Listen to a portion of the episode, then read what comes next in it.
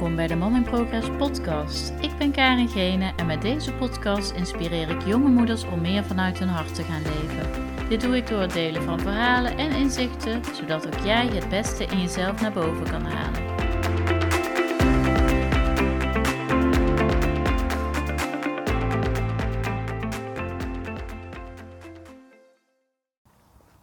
Hey, leuk dat je luistert naar weer een nieuwe aflevering van de in Progress podcast. Ehm, deze week wil ik het eigenlijk met je hebben over. Uh, uh, nou, ik ben geïnspireerd door um, Karin van Holstein, een loopbaancoach in Veldhoven. Um, ik was bij haar workshop in Veldhoven uh, met als titel Voorkom energieverlies op je werk. of binnen je werk. En dat was iets. Ja, wat mij super inspireerde was dat uh, er, uh, een dame en die gaf aan van nou, die had een functie en, en waarin ze heel dienstbaar mocht zijn of wilde zijn. Nou, dienstbaarheid, dat stond bij haar, uh, ja, dat vond ze heel belangrijk en daar voelde ze zich prettig bij. En, maar uiteindelijk heeft het haar wel gezorgd, deze dienstbaarheid heeft haar ook gezorgd dat ze uiteindelijk thuis komt te zitten. En besloot van, oh, het voelt alsof ik nu niet verder kan. Um, ja, dat heeft haar gewoon ziek gemaakt. En dan kun je denken, ja, maar dienstbaarheid is toch super mooi. Je dienstbaar op te stellen, je wil er voor een ander zijn. Je wil, um, en ik herken het hè, vanuit de verpleegkunde, verpleegkundige ben ik geweest. Uh, ik herken het gewoon heel erg vanuit mijn, uh, vanuit mijn vak. Ik zag het ook veel omheen. Uh, ja, je wilt gewoon zorgen. Zorgen voor een ander. En dat is ook iets wat je als moeder gewoon heel graag doet. Dienstbaar zijn. Dienstbaar zijn voor je kinderen, voor je gezin. Um, ja, je wilt soms aan de verwachtingen voldoen van je kinderen, uh, van je man, van je vriend, van je hè, partner.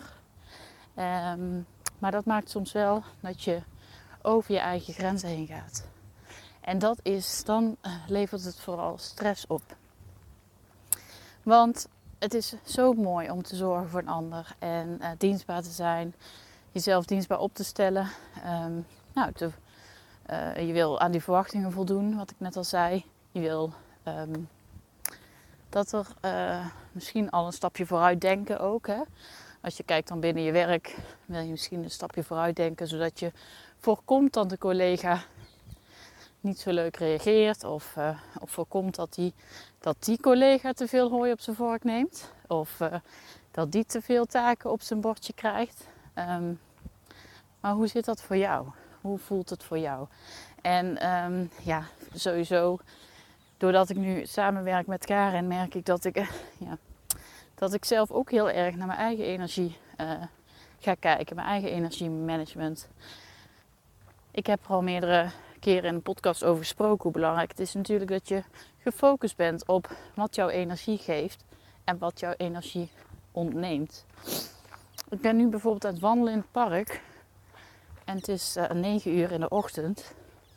En ik heb al een heerlijke ochtendroutine gehad, maar ik voel ook de laatste tijd dat ik echt moe ben. Echt moe.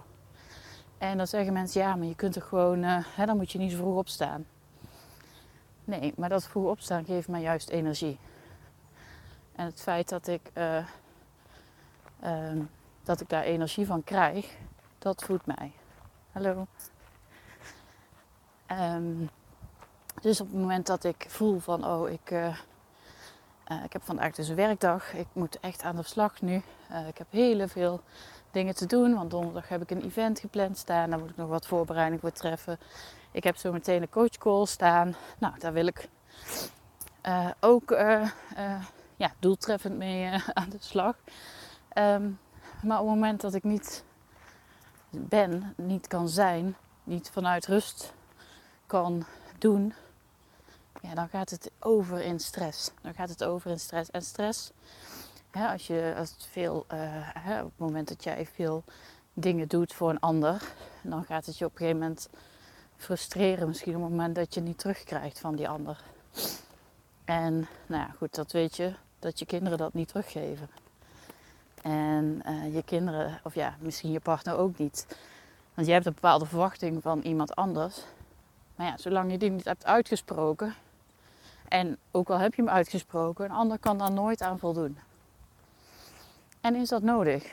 Het is denk ik veel meer waardevol om de erkenning te voelen in jezelf. Dus dat je zelf het gevoel hebt van ik ben goed genoeg. Ik ben het waard. Ik, uh, ik doe wat ik kan. Meer dan mijn best kan ik niet doen. En het was zo grappig dat ik van de week deelde ik volgens mij een filmpje in mijn uh, Instagram van Charlotte Labé. En zij zei, uh, kunnen we stoppen alsjeblieft met tegen je kind zeggen, vandaag goed je best doen op school hè? Want dat goed je best doen op school, ja, dat maakt eigenlijk bij een kind al, uh, geeft, kan het kind al een gevoel geven van, ik doe het niet goed genoeg, ik ben niet goed genoeg. En die zin, als je die maar vaak genoeg herhaalt, prent het zich in zijn brein en kan het zomaar heel zijn leven lang ja, een blokkade vormen. En dat soort dingen, ja, ik ben me er steeds meer van bewust. En toch, ik doe het ook, hè. Je, je ontkomt er niet aan. Dat is iets wat we jarenlang zelf hebben meegekregen natuurlijk. Dus om dat te doorbreken, dat is, uh, ja, dat is best lastig. En misschien doe jij het wel. Als moeder ben je daar heel bewust van. En dan heb je nog een partner die daar ook, uh, ja, die daar misschien nog met een andere uh, visie naar kijkt. Dan heb je nog uh, andere misschien medeopvoeders of uh, school, opa's en oma's, gastouders. Dus ja, je bent natuurlijk niet de enige die van invloed is op het gedrag en de beleving van het kind en de mindset. Maar um, ja, meer dan je best kun je niet doen. En eigenlijk kun je ervan uitgaan dat iedereen altijd zijn best doet. En is dat niet zo, ja, dan is er een reden voor. En wil dat niet zeggen dat, um, ja, dat iemand niet goed genoeg is. Want als iemand niet goed genoeg in zijn vel zit. Ik, ik merk nu ook van, ja, ik zit gewoon niet heel hoog in mijn energie. Ja, maar ook dat is oké. Het mag er allemaal zijn. En um, we mogen ons veel meer bewust zijn, denk ik, van wat we tegen onszelf zeggen en tegen onze kinderen. Maar ook welke verwachtingen we onszelf dus opleggen. En op het moment dat je veel meer oké kan zijn met alles wat er is. En ik weet nog dat ik dat een term vond die ik altijd vreselijk vond. Maar ik, ik voel het nu steeds meer. En steeds beter. Dat je echt oké kan zijn en jezelf goed genoeg mag voelen. Dan heb jij die verwachting niet nodig van een ander. En dan kun je veel beter je grenzen stellen. Ik bedoel, ik zei net, ik heb die verwachting nodig, heb je die goedkeuring niet nodig van een ander. En die erkenning. Want op het moment dat jij die erkenning gewoon in jezelf zoekt, jezelf die erkenning kan geven en elke dag tegen jezelf kan zeggen: Het is goed. Het is goed genoeg. En ik heb altijd goed genoeg gedaan. Dan, uh, ja, geeft je veel meer rust, denk ik. Nou, denk ik, dat weet ik uit ervaring. En dat zie ik ook om me heen. En nu loop ik een, loop een bospad op. Of een paadje in het park. En ik voel mijn adem alweer. Mijn hartslag omhoog gaan. Hopelijk niet al te storend. Maar ook, dat is oké. Dat is nou eenmaal zo. ik wil mijn podcast nou maar eenmaal opnemen vanuit flow. En ik had net het gevoel, want dit wil ik even met je delen. Ehm, het thema dienstbaarheid, klaarstaan voor een ander. Maar doe je dat dan echt voor die ander? Of doe je dat eigenlijk voor jezelf, voor die goedkeuring in jezelf? Uh, en als je daarnaar kan kijken, als je dat voelt van, oh ja, hè, doe ik dit voor een ander, voorbij mijn eigen grenzen, dan is het niet goed. Um, ja, dat wilde ik dus eigenlijk met je delen. Ehm, hoe mooi dienstbaarheid dus ook klinkt. Het kan een enorme valkuil zijn. En het kan nu ook fataal worden. Want hoe meer stress je hierdoor krijgt, stress kan overgaan in frustratie.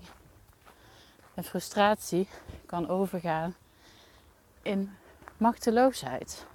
Wat weer vervolgens zorgt voor burn-out.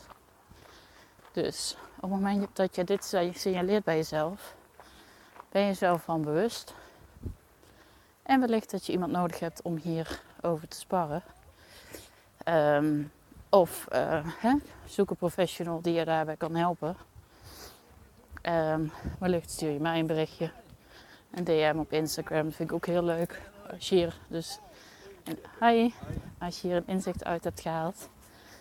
Dankjewel voor het luisteren in ieder geval. En ik hoop dat je er volgende keer weer bij bent.